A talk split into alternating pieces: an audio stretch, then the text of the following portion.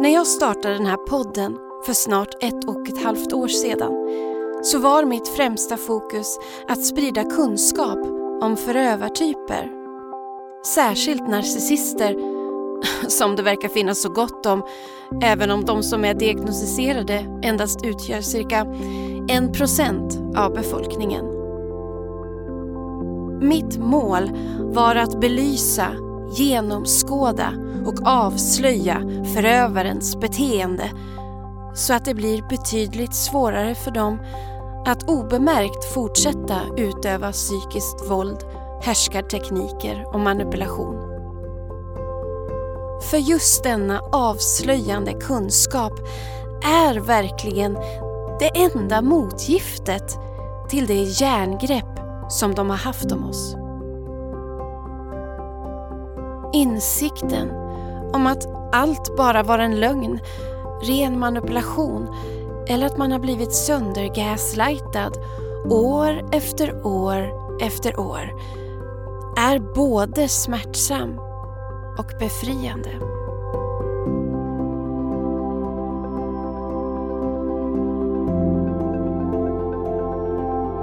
Läkningsprocessen är full av liknande motstridiga känslor. Man sörjer det man förlorade och det man trodde att man hade men som visar sig vara endast en illusion, något förfalskat eller obefintligt. Så det är verkligen läkande att suga i sig kunskap om psykisk misshandel och narcissism. Att förstå hur förövaren snärjde in en i sitt järngrepp.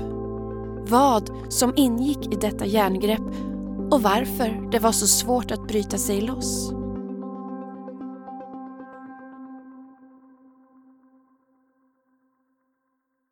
Men det är svårt att läka på djupet utan att balansera upp förståelsen för förövarens beteende med lika stor förståelse för sitt eget beteende och de mönster som man kanske omedvetet upprepat under större delen av sitt liv. Efter mina år av research kring psykisk misshandel och narcissism har jag kommit fram till att kunskapen är som allra mest läkande i 3D. alltså sett ur tre olika perspektiv samtidigt. Dels kunskap om den yttre mörka kraften, alltså förövaren. Och dels en medvetenhet om den inre mörka kraften, det vill säga mina egna destruktiva mönster, mina trauman och om jag lutar mig lite extra mycket på någon av de fyra traumareaktionerna, alltså flight, fight, freeze eller fawn. Men även kunskap om mina PTSD-symptom, mina triggers, hur jag hanterar eller inte hanterar min ångest och sorg. Ja, mina beteendemönster, min självbild, mina själasår och familjedynamik som känns som hemma. Ja, och mina anknytningsmönster. Det är det här jag kallar för kunskap i 3D. Jag måste bli medveten om hur omständigheterna och förutsättningarna för den destruktiva relationen spelat in i min livshistoria och hur allt hängt ihop.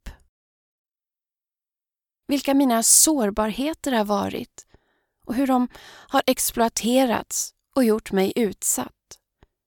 Men även hur brist på stöd, tröst, förståelse och kunskap har försatt mig i en känsla av att vara totalt vilse och hjälplös.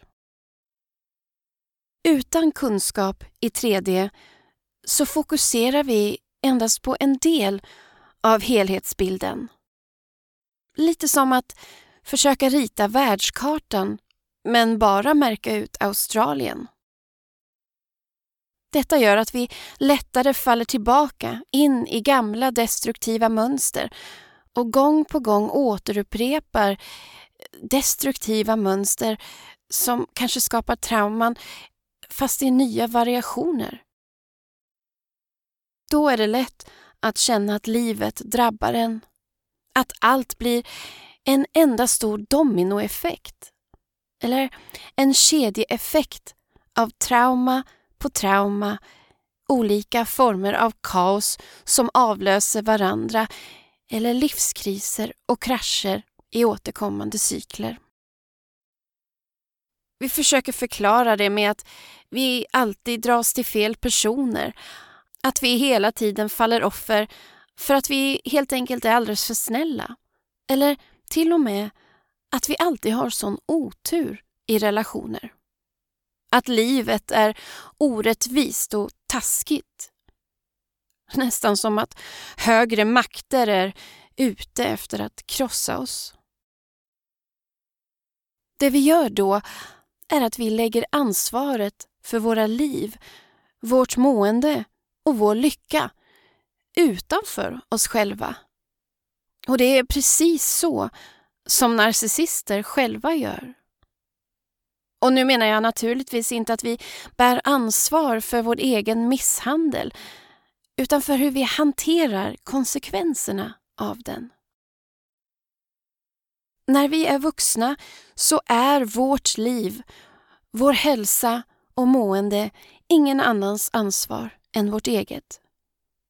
Det betyder inte att vi inte behöver hjälp och stöd av andra för att orka härda ut och kämpa på.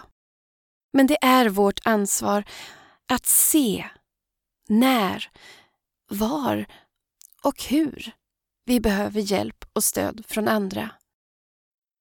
Och för att kunna se det så måste man börja blicka inåt, påbörja en inre resa där man ärligt och öppet utforskar sig själv och sitt medvetande. Det tar både mod och styrka men det är något som alla kan göra i stunder av ytligt själviakttagande som sedan växer till en allt mer djupare självreflektion. Ja, alla, utom narcissister såklart, eftersom de sorgligt nog inte har en inre jag-instans där input från självinsikter kan få fäste för att sedan bli till ett förändrat beteende. Men vi andra kan studera oss själva och hur vi känner oss i våra kroppar och i våra sinnen. Vi kan liksom lite ja, utifrån iaktta hur vi pratar om oss själva, vilka specifika ord vi använder ofta och som kanske avslöjar något viktigt om hur vi egentligen känner på insidan. Vi kan studera om vi känner skillnad i vår jaguppfattning eller i våra kroppar beroende på om vi är ensamma hemma eller när vi är med andra människor. Hemma kanske vi vågar slappna av och gå lite crazy. Men bland folk kanske vi sluter oss och blir konstigt tysta ibland. Vi kan notera när vi känner oss som mest glada, när vi blir mer spända, när vi gör oss till och när vi känner oss som mest ensamma. Alla de där noteringarna blir till slut en medvetenhet om vårt beteende, våra mönster och hur vi egentligen mår i våra relationer. Nej, jag har inte kunnat läka på djupet förrän jag började titta på mina trauman ur detta 3D-perspektiv. Nu ser jag klart och tydligt hur allt hänger ihop. Att peka på mina förövare och radda upp allt de har utsatt mig för räcker helt enkelt inte för att jag ska kunna läka på djupet. Jag måste se och förstå var jag fortsatt att utsätta mig själv genom att upprepa mina destruktiva mönster och hur min omedvetenhet kring allt har gjort mitt liv till en öppen spelplan för katastrofen att ta plats på.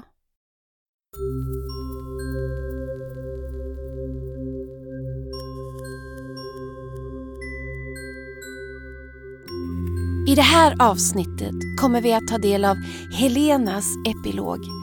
Men vi ska även utforska hur omedvetna anknytningsmönster kan bli startskottet för en dominoeffekt av osunda relationer som avlöser varandra. Helenas berättelse kommer sedan illustrera hur denna dominoeffekt kan ta uttryck i det verkliga livet och vilka förödande konsekvenser det kan få. Jag talade lite om destruktiva anknytningsmönster i avsnittet Narcissism i familjen, vuxna barn till narcissister. Men i det här avsnittet kommer vi gå djupare in på hur våra anknytningsmönster kan ställa till det för oss i vår jakt på kärlek. Eller i vår jakt på osund kärlek. Och för att först reda ut vad 17 ett anknytningsmönster är så kan vi säga att ordet anknytning i detta sammanhang hänvisar till våra allra tidigaste relationer. Alltså till dem som tog hand om oss när vi var som allra mest hjälplösa, sårbara och formbara. Våra första anknytningar formar hur vi skapar nära relationer eller knyter an till andra. En så kallad anknytningsstil.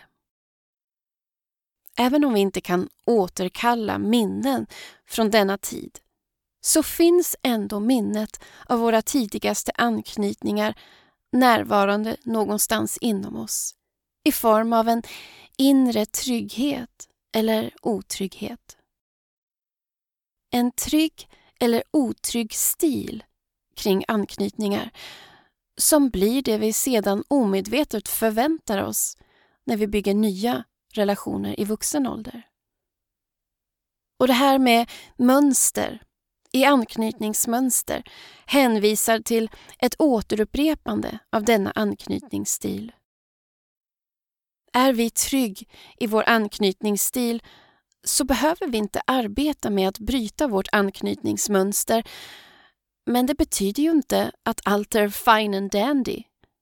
En relation för en person med trygg anknytningsstil innebär inte per automatik att den är fri från smärta smärta eller problem. Särskilt inte om personen är i en relation med någon som är omedveten om sin otrygga anknytningsstil. Det vi pratar om nu kallas anknytningsteori och det grundar sig på John Bowlbys psykologistudier från 1950-talet och framåt kring att nyfödda barn är genetiskt förprogrammerade till att knyta an till sina föräldrar. Ett sätt att använda dem som en säker hamn vid stress och en trygg bas vid utforskning av omgivningen för att öka barnets överlevnadsmöjligheter. Barnet ska alltid kunna känna att den kan gå ut i världen och utforska den, men att den alltid kan återvända hem till sin trygga bas. Men om föräldrarna inte är en trygg bas för barnet att söka tröst och skydd hos, utan tvärtom får barnet att känna sig förvirrad, avvisad, rädd eller övergiven så uteblir känslan av att det finns en trygg plats att återvända till när världen runt omkring känns läskig eller hotfull. Relationen präglas då av en mer eller mindre otrygg stil som barnet sedan speglar i sina andra relationer. Det är i dessa otrygga anknytningsstilar som det finns varianter på olika destruktiva beteendemönster. På 1970-talet utvecklade den amerikanska psykologen Mary Ainsworth en anknytningsstudiemetod som kallas Strange Situation eller den märkliga situationen. För att empiriskt och vetenskapligt istället för endast teoretiskt kunna studera anknytning mellan barn och förälder i en verklig situation. Metoden gav resultat som nu är de olika anknytningsstilarna som finns att studera överallt idag. Googla attachment styles eller kolla på Youtube där man kan utforska sin egen anknytningsstil och få tips om hur man bäst förhåller sig till den. Just nu trendar ämnet och det finns mängder av konton att följa kring attachment styles och coacher och terapeuter som har specialiserat sig på just detta. Men hur som helst. I Strange Situation skapade Ainsworth en märklig situation för barnet att förhålla sig till. Det var just i förhållningssättet som anknytningsstilen blev synlig. The Strange Situation innebar att en mamma och hennes barn mellan 9 och 18 månader fick komma in i ett testrum där de var ensamma tillsammans men observerade av Ainsworth som satt bakom ett speglat glasfönster på ena väggen. I testrummet fanns lite leksaker för barnet att utforska och en stol för mamman att sitta stilla på medan barnet utforskar miljön. För att förenkla Strange Situation en aning så kan vi hoppa några steg i denna studiemetod till då mamman plötsligt och diskret lämnar rummet och barnet för en kort stund för att sedan återvända. Det är i återföreningen mellan mamman och barnet som anknytningsstilen hos barnet blir som mest tydlig. Men även i vilken utsträckning barnet uppvisar separationsångest när modern lämnar testrummet och i vilken utsträckning barnet utforskar testrummet och allt som finns där inne och så barnets reaktion på deras återförening. Ett barn med trygg anknytning kommer att utforska rummet och leksakerna medan mamman sitter på stolen och är närvarande och barnet blir påtagligt upprört när mamman går och blir glad över att se mamman återvända. Barn som upplevt en trygg anknytning till sin närmsta förälder känner i vuxen ålder tillit till andra människor och till sig själv. De behöver inte ta till en strategi för att knyta an till människor. De känner att de har en trygg bas att återvända till om livet och relationer blir smärtsamma. Men för att utforska de otrygga anknytningsstilarna i en så kallad otrygg undvikande anknytning kommer barnet mestadels att undvika eller ignorera mammans närvaro där hon sitter på stolen och inte visa mycket känslor när mamman går eller kommer tillbaka. Barnet är helt enkelt ganska obrydd om det är ensamt eller i sällskap med någon annan och visar inte heller mycket intresse för sin miljö utan fokuserar på leksakerna, på det som de kan kontrollera och därmed känna sig trygg med. Den otrygga undvikande anknytningsstilen utvecklas då mamman är oengagerad i sitt barn eller kanske försummar det och barnet inte får sina behov tillgodosedda. Barnet upplever och tror att det inte spelar någon roll att kommunicera sina behov eftersom mamman ändå ofta ignorerar dem. Barn med denna anknytningsstil förväntar sig istället att bli avvisade eller ignorerade när de är sårbara eller behöver hjälp. Därför lär de sig tidigt att helt enkelt inte söka närhet och stöd från andra utan att klara sig själv istället. Som vuxna håller de distans inom sina nära relationer och kan vara svåra att komma nära in på och kan upplevas som distanserade och lite kantiga. Det barn med så kallad otrygg ambivalent anknytning känner oro eller ångest kring att utforska sin omvärld även när mamman är närvarande i rummet. Och när mamman lämnar rummet blir barnet oerhört stressat, upprört och oroligt och kommer att vara ambivalent när hon återvänder. Ja, samtidigt som barnet vill vara mamman mycket nära så finns där även ilska kring att mamman faktiskt övergav det och visar ofta därför motstånd när mamman initierar uppmärksamhet. Den otrygga, ambivalenta anknytningsstilen utvecklas då mamman förvisso är engagerad i barnet, men endast på sina egna villkor. Hon finns där fysiskt, men kanske inte på andra sätt, som känslomässigt eller psykologiskt. Barn med otrygg ambivalent anknytning blir vana att ibland få närhet och ibland bli avvisade när de söker stöd och tröst.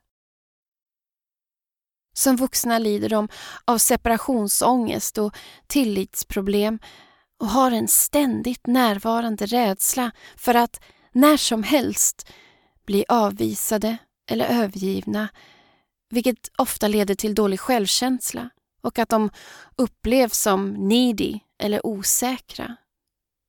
Många med ambivalent anknytning undviker helt enkelt nära relationer för att inte bli sårade. Ainsworths kollega Mary Main noterade ytterligare en anknytningsstil.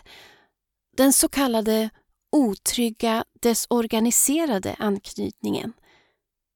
Barnet gråter och blir upprört under separationen men undviker mamman när hon kommer tillbaka. Eller kan närma sig mamman genom att backa mot henne, sedan frysa eller falla till golvet så att omfamningen uteblir. Om barnet ändå söker mammans famn i återföreningen är det vanligt att de vänder bort huvudet från mamman eller gungar fram och tillbaka eller slår sig själva upprepande gånger. Den otrygga, desorganiserade anknytningen utvecklas hos barn som ofta växer upp med olika former av misshandel eller känslomässig försummelse även om försummelsen är oavsiktlig, till exempel om mamman är med om ett trauma tiden runt födseln. För barn med otrygg, desorganiserad anknytning har ofta föräldrarna mött barnets känslouttryck med ilska, äckel eller rädsla, vilket både skapat skam och skräck hos barnet och som då inte lyckas hitta ett organiserat sätt att knyta an till föräldern utan får liksom parera de vuxnas olika svek och utbrott allt eftersom de dyker upp i stunden. Eftersom de aldrig vet exakt vad de kan förvänta sig av sina föräldrar så leder det till svåra relationsstörningar och tillitsproblem senare i livet.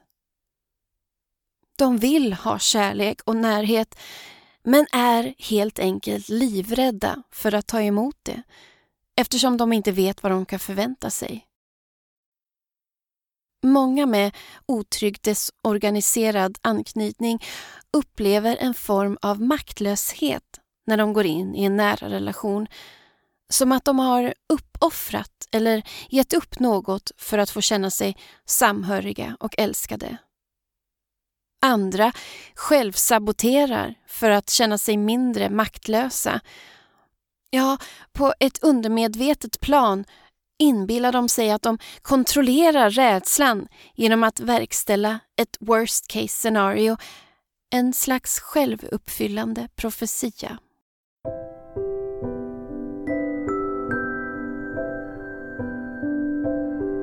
Så där har vi alla olika anknytningsstilar och vad de innebär.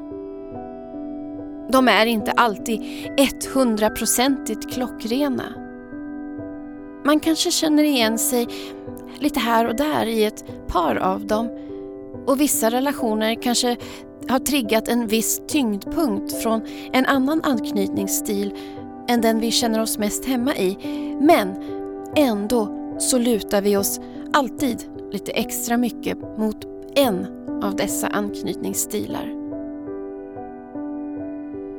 Vi har alla en anknytningsstil och tittar vi riktigt noga på hur våra relationer ser ut eller har sett ut och hur vi förhåller oss till dem hittar vi till slut just den stilen som matchar oss bäst. Och kanske kan vi även urskilja konturerna av anknytningsstilar för dem vi har nära relationer med. Och därmed kanske ett par pusselbitar faller på plats.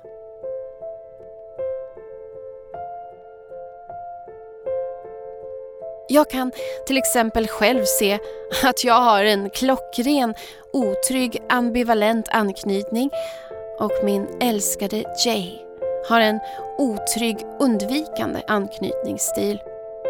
Ja, och så har vi det där stora havet emellan oss. Avståndet mellan Norrköping, Sverige och Berkeley, Kalifornien. Eller 5000 miles av gemensam rädsla att knyta an på riktigt. Ja, det är rätt komiskt ändå när man ser det på det sättet och lite rörande. Det är just i kombinationen mellan anknytningsstilarna som det uppstår förvirring, skav och slitningar inom våra relationer. Man undrar varför reagerar han eller hon så? Varför dras jag alltid till samma slags personlighet om och om igen? Varför slutar mina olika relationer ofta på samma dramatiska sätt? Undrar man kanske i frustration.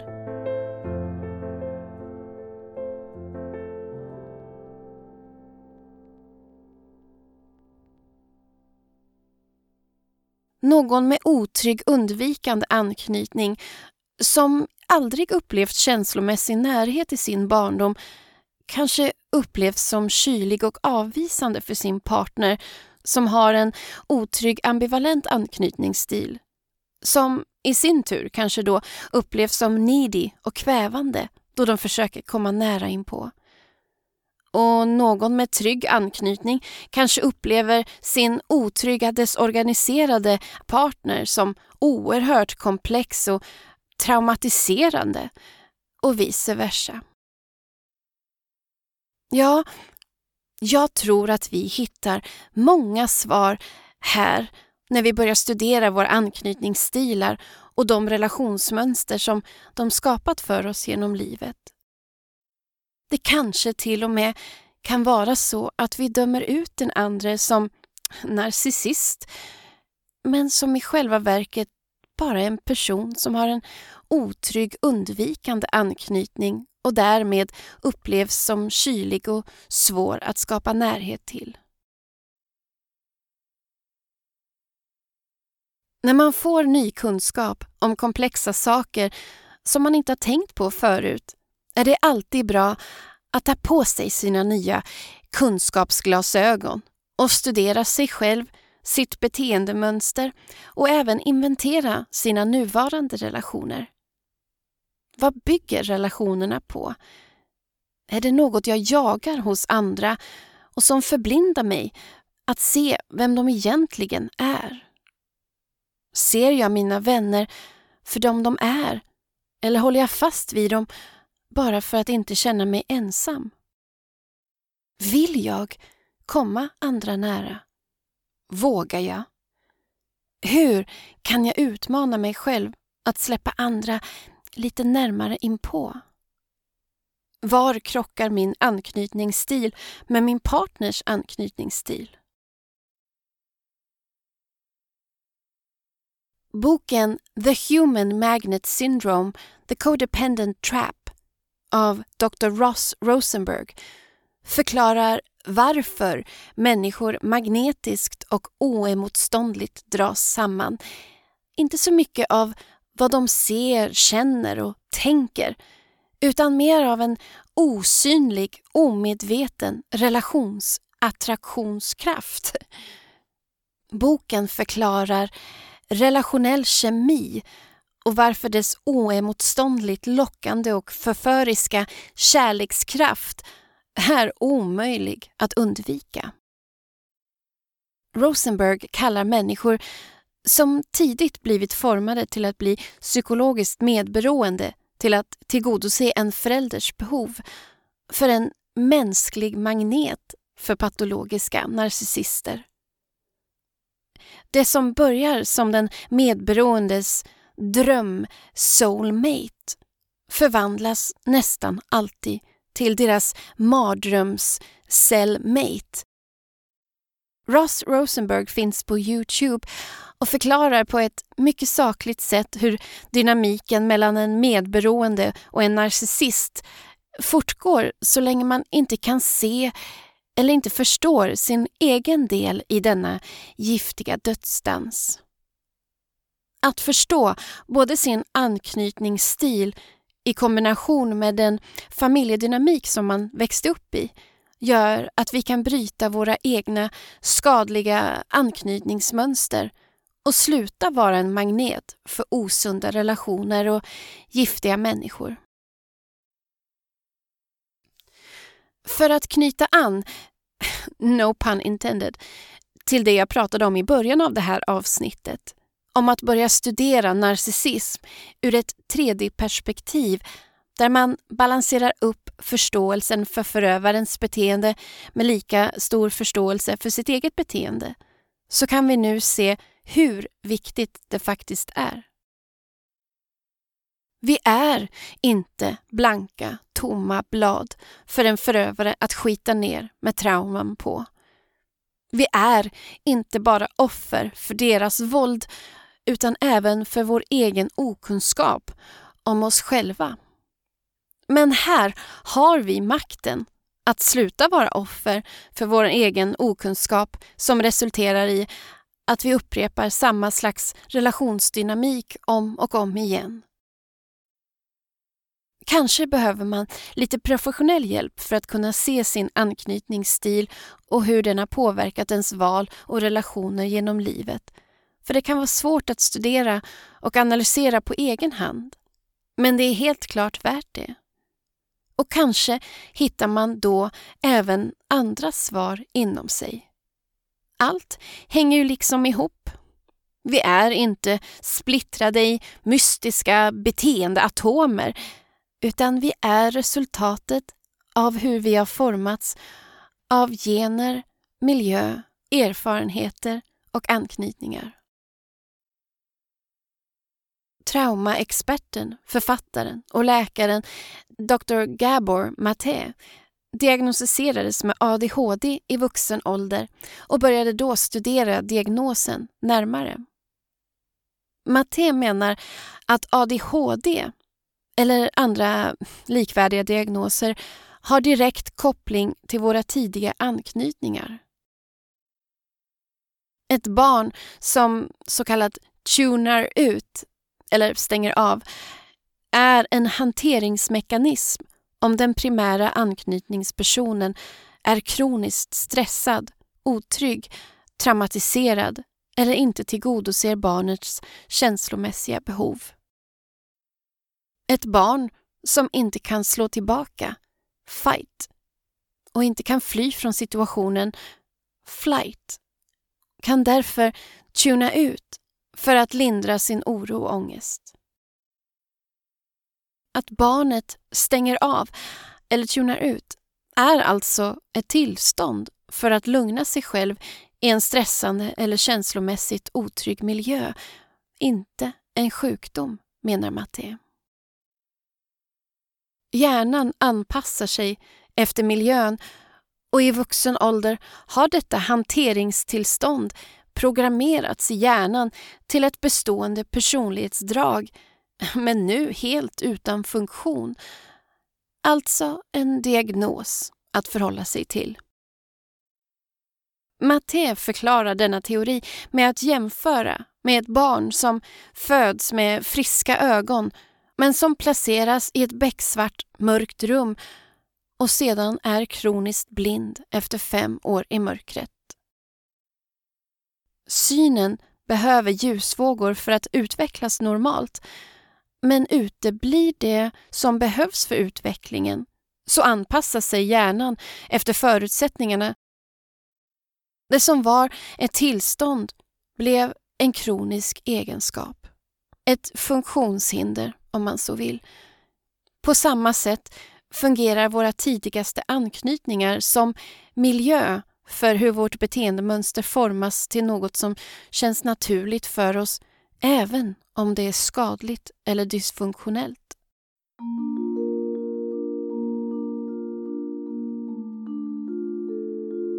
Ja, och nu undrar ni säkert, kan man ändra på sitt anknytningsmönster? Både ja och nej. Man kan absolut bryta sitt anknytningsmönster och förstå sina anknytningsbeteenden. Alltså notera, oh, nu gör jag det där igen. Och sen jobba på det och till slut kanske lyckas förändra det beteendet. Men man kan inte ändra sin anknytningsstil. Den är lika livslång som våra hjärtans undermedvetna minnen av vår första trygga eller otrygga anknytning med en annan människa. Hjärnan går att programmera om men det kräver en oerhörd insats för att bryta det som integrerats i oss från vår allra första tid i livet. Det beteendet som är lika självklart för oss som att andas. Har vi dessutom blivit traumatiserade av tidiga övergrepp från våra viktigaste anknytningspersoner så finns ett inre motstånd som gör det praktiskt taget omöjligt att lära om hjärnan att forma en ny anknytningsstil. Så vi får lära oss att leva med vår anknytningsstil och istället lära oss att förhålla oss till det och ändra det som vi kan ändra på. Och det vi kan förändra kan vara direkt livsavgörande för vårt mående och livskvalitet.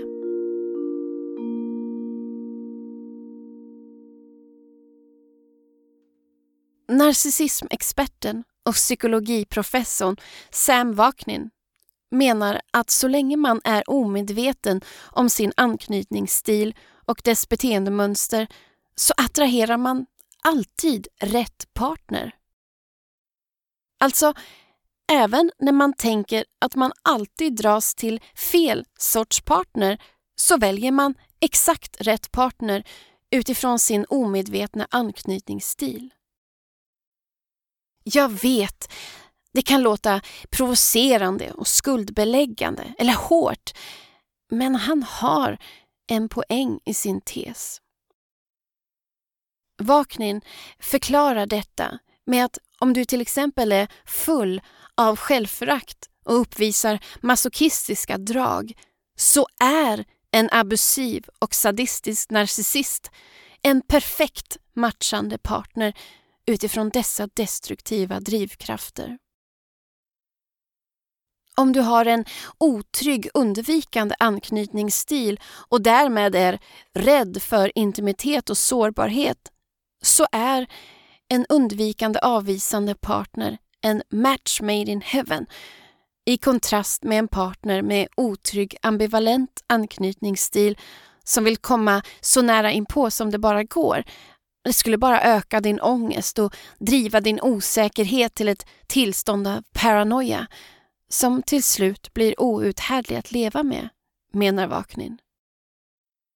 Likadant om du är spänningssökande, hänsynslös och trotsig till naturen. Då menar Vaknin att du lättare dras till gränslösa psykopater. En trygg anknytning skulle då ha tråkat ihjäl dig menar han. Avslutningsvis menar han att ens val av partner alltid är on point efter vad det är man jagar hos andra människor.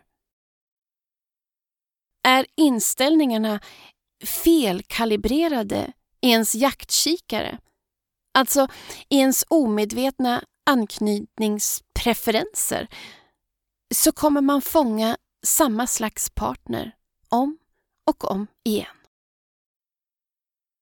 Och efter Vaknins provocerande teser så vill jag vara extra tydlig med att det naturligtvis inte handlar om att skuldbelägga oss som utsatts för våld eller övergrepp inom nära relationer eller säga att vi som fallit offer för narcissistisk eller psykisk misshandel får skylla oss själva.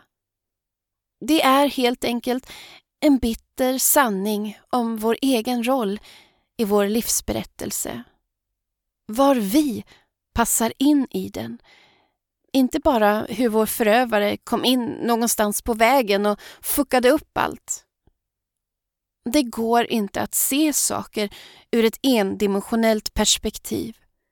Vi måste våga titta på oss själva och vår livsberättelse i 3D där ens beteende börjar make sense även om det har lett till förvirrande, smärtsamma och katastrofala följder.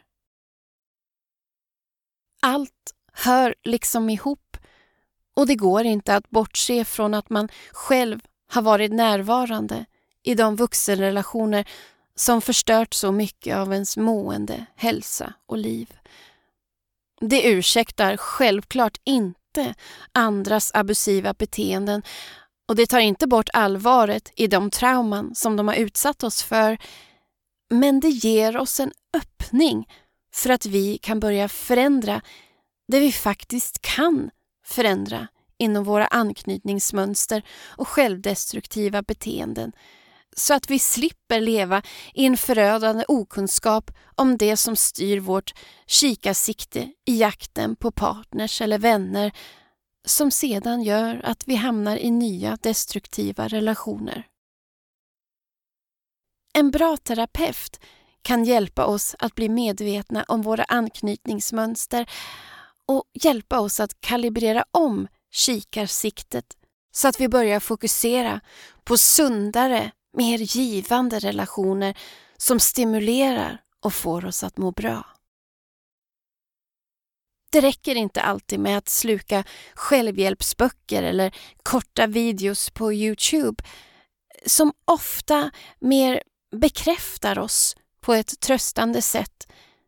Utan vi måste låta oss bli utmanade av någon som inte är där för att endast trösta och bekräfta. Det är endast i att utmana vårt defaultläge i vår perception av oss själva och världen som vi verkligen kan växa och läka. Inte bara känna oss sedda och bekräftade i vår utsatthet och i vårt lidande. Så slutsatsen är alltså att vi måste börja lära känna oss själva och träna på att acceptera oss själva och bli trygga i vem vi verkligen är. Med allt vad det innebär, med alla själasår, otrygga anknytningsmönster, allt tungt bagage och ja, allt det där som vi gärna blundar för. Och hur den processen går till är ett ämne för ett helt annat avsnitt. För nu, äntligen, ska vi lyssna på Helenas epilog och få en inblick i hur ett otryggt anknytningsmönster kan se ut utanför våra teoretiska utforskningar, alltså i det verkliga livet. När jag fick in Helenas röstinspelning så hörde jag direkt att ett bra tema att ta upp i den här inledningen var just att prata om anknytningsteori.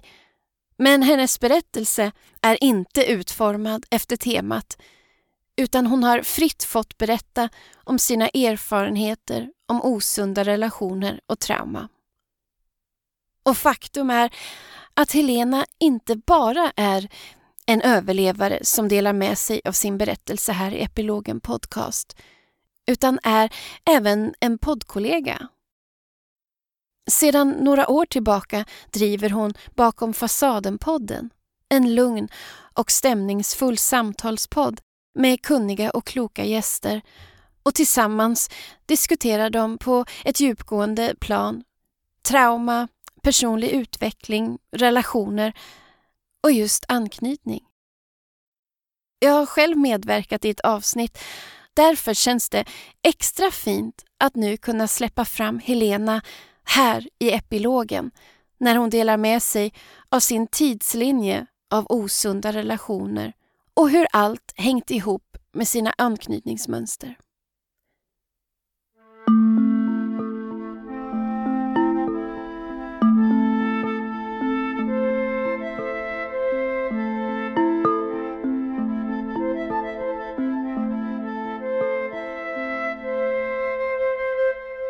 När jag fick frågan att spela in den här texten så tänkte jag hur ska jag egentligen börja?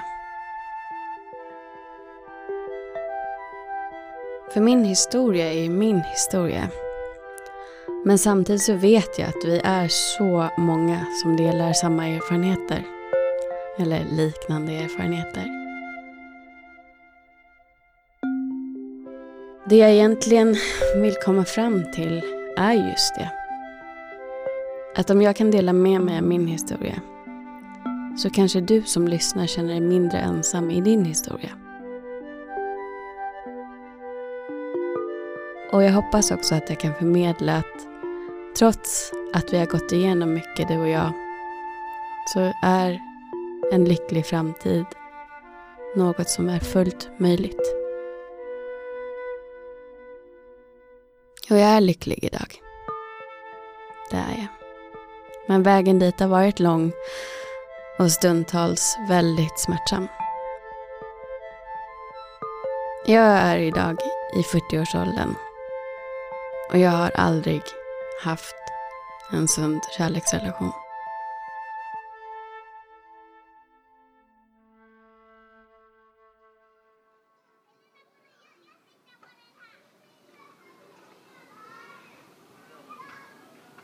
Redan på dagis, som det hette på min tid, så var jag kär första gången. Han hette John och alla var kära i honom. Jag vet inte riktigt var det kommer ifrån men tänk er att vi kanske var tre, fyra, fem år. Och redan då blev man vald eller bortvald. Och jag blev bortvald. Jag är adopterad så att det lilla barnet i mig hade ju redan då varit med om flera gånger känslan av att bli övergiven och bortvald. Jag tror att det kan vara mycket grunden till det som har blivit sen.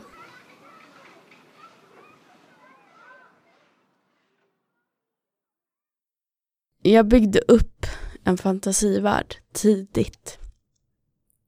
Ivrigt påhejad av alla som skriver noveller, tidningar, alla som skriver manus i kärleksfilmer. Det fanns en generell uppmuntran till att leva i en fantasivärld där du blir räddad av någon som kommer och tar dig med storm. Där du inte tar något eget ansvar för din lycka utan du lägger den i någon annans famn. Jag trodde att det var så det skulle vara. Paradoxalt så förstod jag också tidigt att det var många män som behövde en kvinna som lagade dem, fixade dem, räddade dem. Och jag trodde att det var liksom ett kvitto på att om jag gör det, då visar jag också hur mycket jag älskar dig. Om jag räddar dig, om jag lyckas få dig att bli hel, då kommer du se mitt värde Och då kommer du älska mig.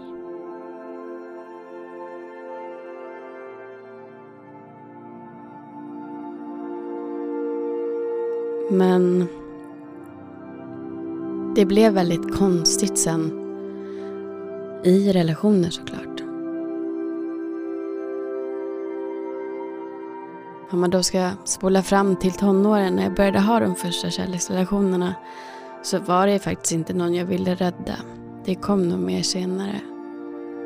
Men det var inte sunda relationer på så sätt att det var någonting som var helt lyckligt och höll. För då fastnade jag i det otrygga ambivalenta. Jag var otroligt rädd för att bli övergiven, lämnad och jag var väldigt, väldigt svartsjuk. Gärna på ex. Eller andra personer som du hade varit intresserad av tidigare om du var tillsammans med mig. Vilket ledde till konflikter och ofta avslut.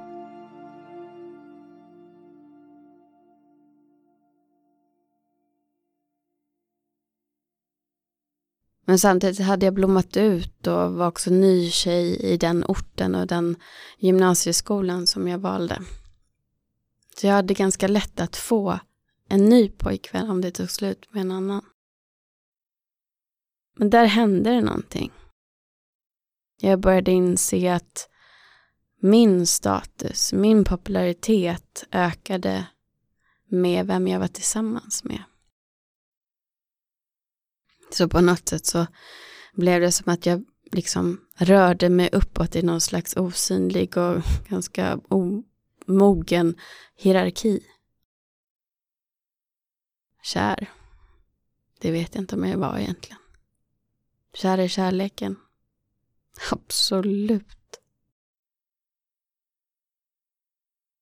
Rör vi oss framåt så hamnar vi i 20-årsåldern. Och jag träffade min första stora kärlek. Återigen tillbaka till filmerna så kan man väl säga att det var många som liknade oss vid Romeo och Julia. Detta för att vi kom från totalt olika bakgrund. Även socioekonomiska stora skillnader. Han var otroligt snäll och det är han fortfarande. Men svartsjukan gjorde sig påmind igen. I ett försök att få testa, då gjorde jag mitt största misstag i den relationen. Jag sa, jag tror inte att det kommer funka mellan dig och mig. vad väntade jag mig egentligen? Jo, jag ska tala om för dig vad jag väntade mig. Jag väntade mig att han skulle säga Helena, du och jag klarar allt, för vi älskar varandra och det är du och jag mot världen. Men istället så såg han på mig med en helt förkrossad min och lämnade köket och lämnade lägenheten. Det var ganska sent och jag vet inte om vi hade tänkt att gå ut eller vad planen egentligen var för kvällen. Däremot så blev det ju inte alls som vi hade tänkt utan jag fick eh, ringa runt till hans kompisar och försöka ta reda på var han hade tagit vägen. Hela natten satt jag sen och försökte prata med honom. Han låg i en kompis säng och vägrade se på mig. Och jag måste säga att där så tog jag till alla medel jag kunde med att så verbalt och kärleksfullt som möjligt uttrycka min kärlek till honom. Men det var för sent. Ändå så fastnade jag där någonstans, rent känslomässigt. I mitt huvud så var han den enda som någonsin hade älskat mig på riktigt. Och det var bara mitt fel att det hade tagit slut.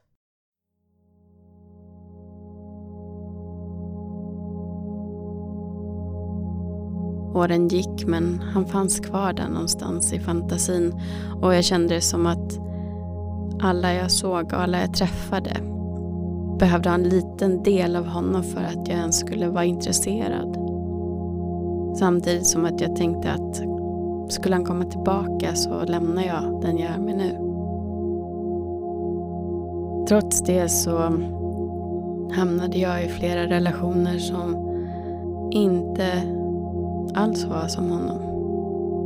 Utan destruktiva, otrogna och så småningom även en narcissist.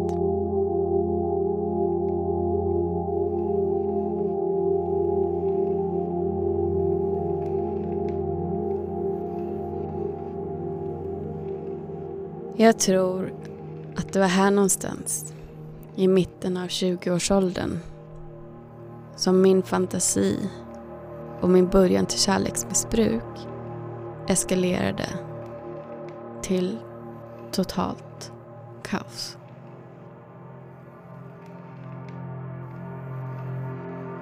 Det som hände hade inte med någon relation att göra. Utan jag blev våldtagen.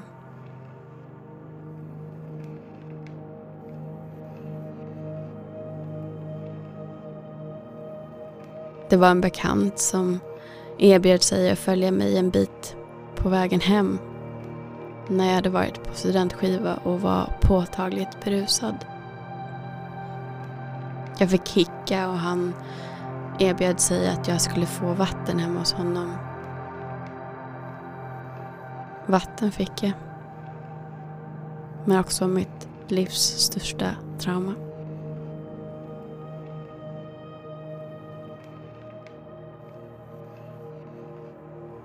Det var någonting i mig som gick sönder där och då. Någonting som jag inte vet om jag någonsin kommer få tillbaka. Tryggheten. Jag var 21 år gammal och mitt liv slogs i spirror.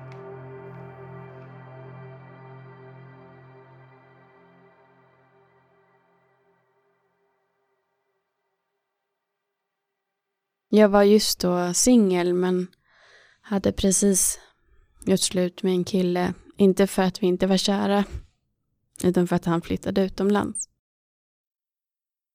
Däremot så flyttade han också närmre sin andra flickvän. Som jag inte kände till på det sättet just då. Jag vet inte riktigt vad den relationen var för någonting. Mer än att jag blev väldigt sårad. Jag tror inte att det här var en person som hade uppsåt eller intention att såra oss på det sättet han gjorde. Han var 20. Jag var 21. Han var bartender. Såg väldigt bra ut. Och en del av mig undrar om vi hade kunnat läka det stora bråket som vi ändå avslutade vår relation med. Om det inte hade varit så att han gick bort några år senare.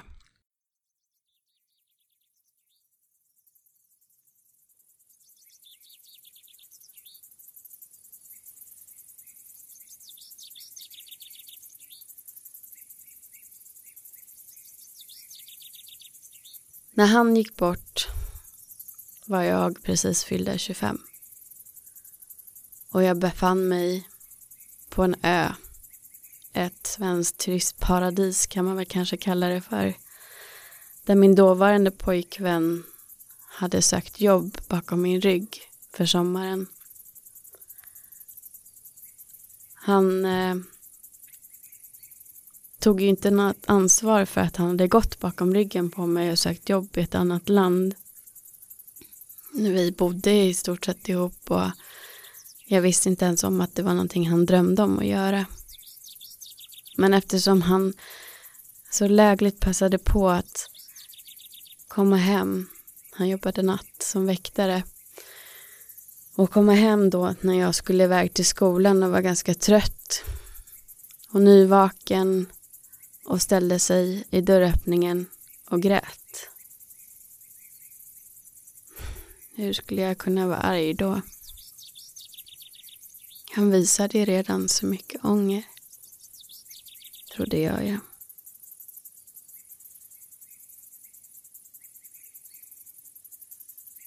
Vår relation fram till dess hade väl varit hyfsat,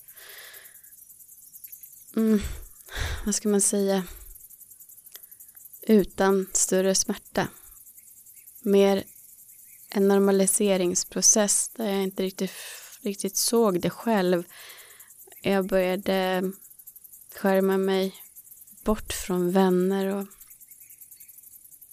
ändra mitt beteende. Men jag märkte det inte riktigt själv. Saker som inte kändes rätt, som att han första året inte ville ens berätta om mig för sin familj. Jag fick inte träffa hans kompisar. Jag blev inte inkluderad i en stor del av hans liv. Fast samtidigt så skulle han ha i full insyn i mitt. Det var inget jag reflekterade över. Jag såg inte heller hur jag förändrades. Men när då sommaren kom så hade ju jag ordnat så att jag fick också jobba där nere. För att vi skulle få vara tillsammans. Men jag fick lite andrum däremellan eftersom han åkte ner innan jag hade möjlighet att göra det. Och det var som att jag hittade en liten del av mig själv där. Men det var inte så uppskattat när jag väl kom ner dit vi skulle jobba. Och han märkte att nu stod jag mer upp för mig själv. Var inte sådär Helena. Snälla. Det klär dig inte att vara sådär kaxig. Det var en sån återkommande kommentar jag fick. Men oftast så blev jag mer bestraffad av att han ignorerade mig. Och det var någonting som han tidigare hade gjort också. Det var ju någonting jag var van vid. Men nu gjorde han det även bland andra människor. Så jag skämdes. Det var ingen som sa någonting till honom heller. Eller till mig. Inte förrän långt efteråt. Att bli ignorerad av någon som säger sig älska dig, som planerar en framtid tillsammans med dig. Ja, det finns få saker som gör så illa dig i själen.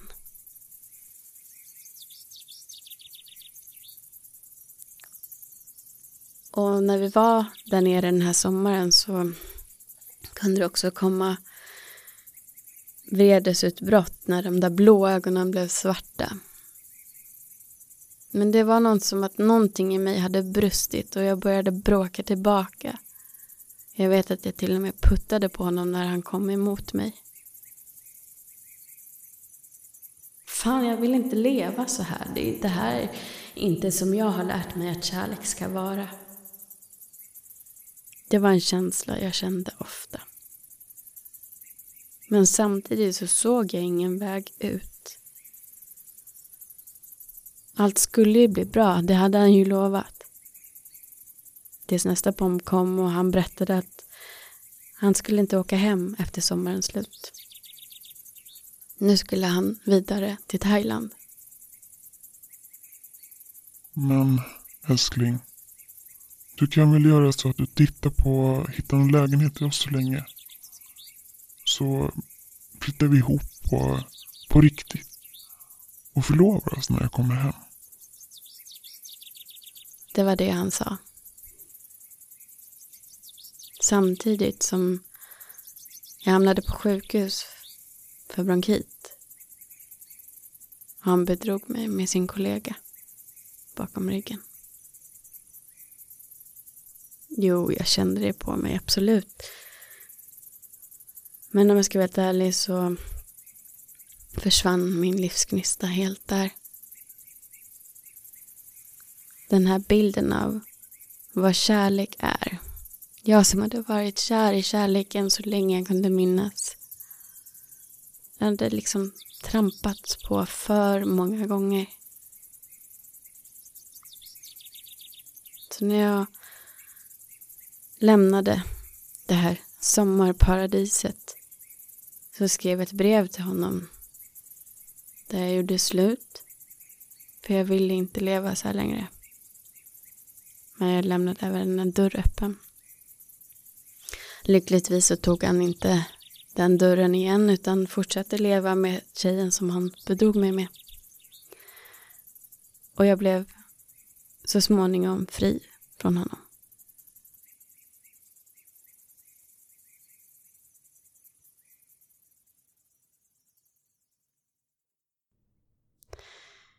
Men att bli fri från ens plågoande som också har varit hela ens liv innebär inte automatisk lycka. Jag gick sönder totalt.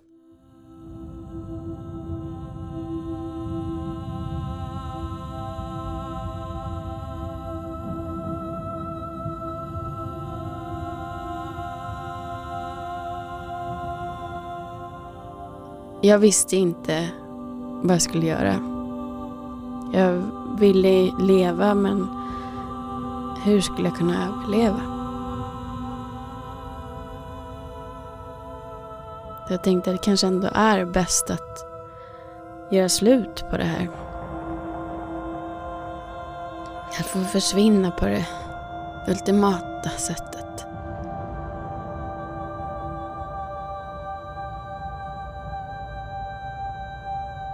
Lyckligtvis så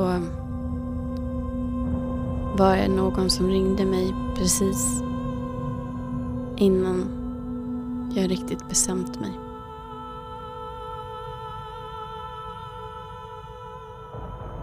Och jag hittade livsgnistan igen. Så pass i alla fall att jag började gå i terapi. Och jag hittade tillbaka till mig så pass mycket att jag kunde i alla fall vilja fortsätta leva.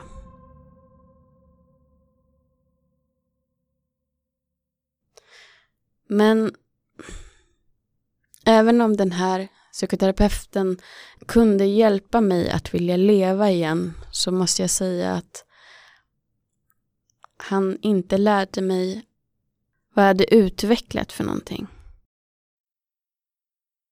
Idag ser jag att det jag hade förutom det här kärleksmissbruket, det vill säga att jag levde i en fantasi och inte riktigt hade koll på vad kärlek var. Och i och med våldtäkten som sen också tyvärr följdes upp av ännu en våldtäkt några år senare var att jag också hade utvecklat en desorganiserad otrygg anknytning. Kanske hade en del av det redan funnits där från de tidiga separationerna där i början av mitt liv. Men nu så var de i full effekt och triggade. Jag är även högkänslig men efter trauma så hade jag lärt mig att stänga av. Och det kunde gå långa perioder utan att jag kunde känna någonting. Lyckligtvis så har jag också en stor del av mig som vägrar att ge upp och vill överleva. Och efter den här totala botten där jag inte ens ville leva mer så var det någonting i mig som sa att det där är inte du. Du vill leva oavsett hur ont du gör. Och aldrig mer tro att du inte vill leva. Du vill bara inte stanna kvar i den smärtan. Men för mig så var ju då kärleksrelationer smärta. Så där har vi det. Det där var ju mina försök till att hitta det som jag trodde var kärlek. Det där var det som jag lärde mig och den bilden jag fick av vad kärlek var. Så jag kan säga att efter dess så har jag inte haft några relationer som egentligen har varit mer friska än de jag redan berättat om. För att det där gjorde för ont.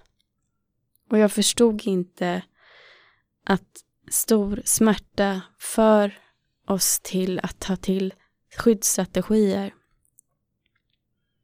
Och skyddsstrategier för mig var att hålla mig så långt borta från att någon kommer tillräckligt nära som det bara är möjligt. Och det blev så motstridigt för det finns också en stor längtan i mig att få komma riktigt nära. Men hur får man till det om man inte vågar släppa någon riktigt nära? Och att inte släppa någon riktigt nära, det är inte alltid ens som man förstår det. För väljer du någon som inte själv är emotionellt tillgänglig och ändå utåt sett försöker få den här personen att känna sig älskad och sedd och hörd och allting som du önskar egentligen att du blir. Då tror du att du fortfarande försöker. Att du jagar kärlek. Att du vill ha kärlek. Men egentligen det du gör är att upprepa samma mönster som också skyddar dig från att få någon som vill komma dig tillräckligt nära. Så det har tagit mig många år att förstå vilka mönster har jag byggt upp? När, var och varför? Men också inse att det här har också gett mig lärdomar. Vad har jag någonting att läka? Vad är det mig som jag egentligen behöver? Och jag kan säga att det jag har behövt allra mest är att hitta en sund och fungerande relation med mig själv. Och jag har det idag.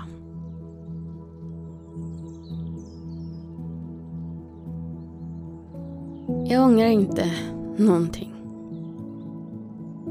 För att jag har gått igenom allt det här, precis som du, gör ju att jag också sitter här idag och du lyssnar på min historia. Kortfattad, komprimerad må så vara, men du lyssnar på den och kanske sår jag ett frö i dig. Att man kan vara så trasig som det bara går. Men hitta en styrka och det går att läka. Och det går att ta ansvar för sin egen lycka. Och de här verktygen som jag har lärt mig av andra vill jag föra vidare till dig. Så du också kan förstå att du kan bli hel och du kan lära om. Om jag kan hitta en trygg anknytning så kan du. Jag lovar. Vägen är lång men inte på långa vägar ovärt det finns någonting där inne om du bara lyssnar inåt. Det finns en kämpaglöd. Det finns en kärlek. För tänk så många gånger du har försökt ge den till någon annan. När du egentligen behöver den själv. Och tänk på alla svar du har sökt till andra. Men egentligen har de där inuti själv. Jag hoppas jag kan locka fram några genom att berätta min historia. Tack för att du lyssnade.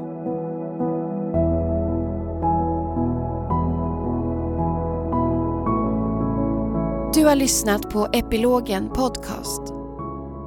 Tusen tack till dig Helena för ditt mod att så generöst öppna upp och ge oss en inblick i hur jakten på osund kärlek kan se ut när man fortfarande är omedveten om sin anknytningsstil men också hur stärkande det är att till slut få kunskap och insikt om det. Till er som lyssnar, leta gärna upp Helenas podd Bakom fasaden-podden i din poddspelare om du inte redan följer den podden.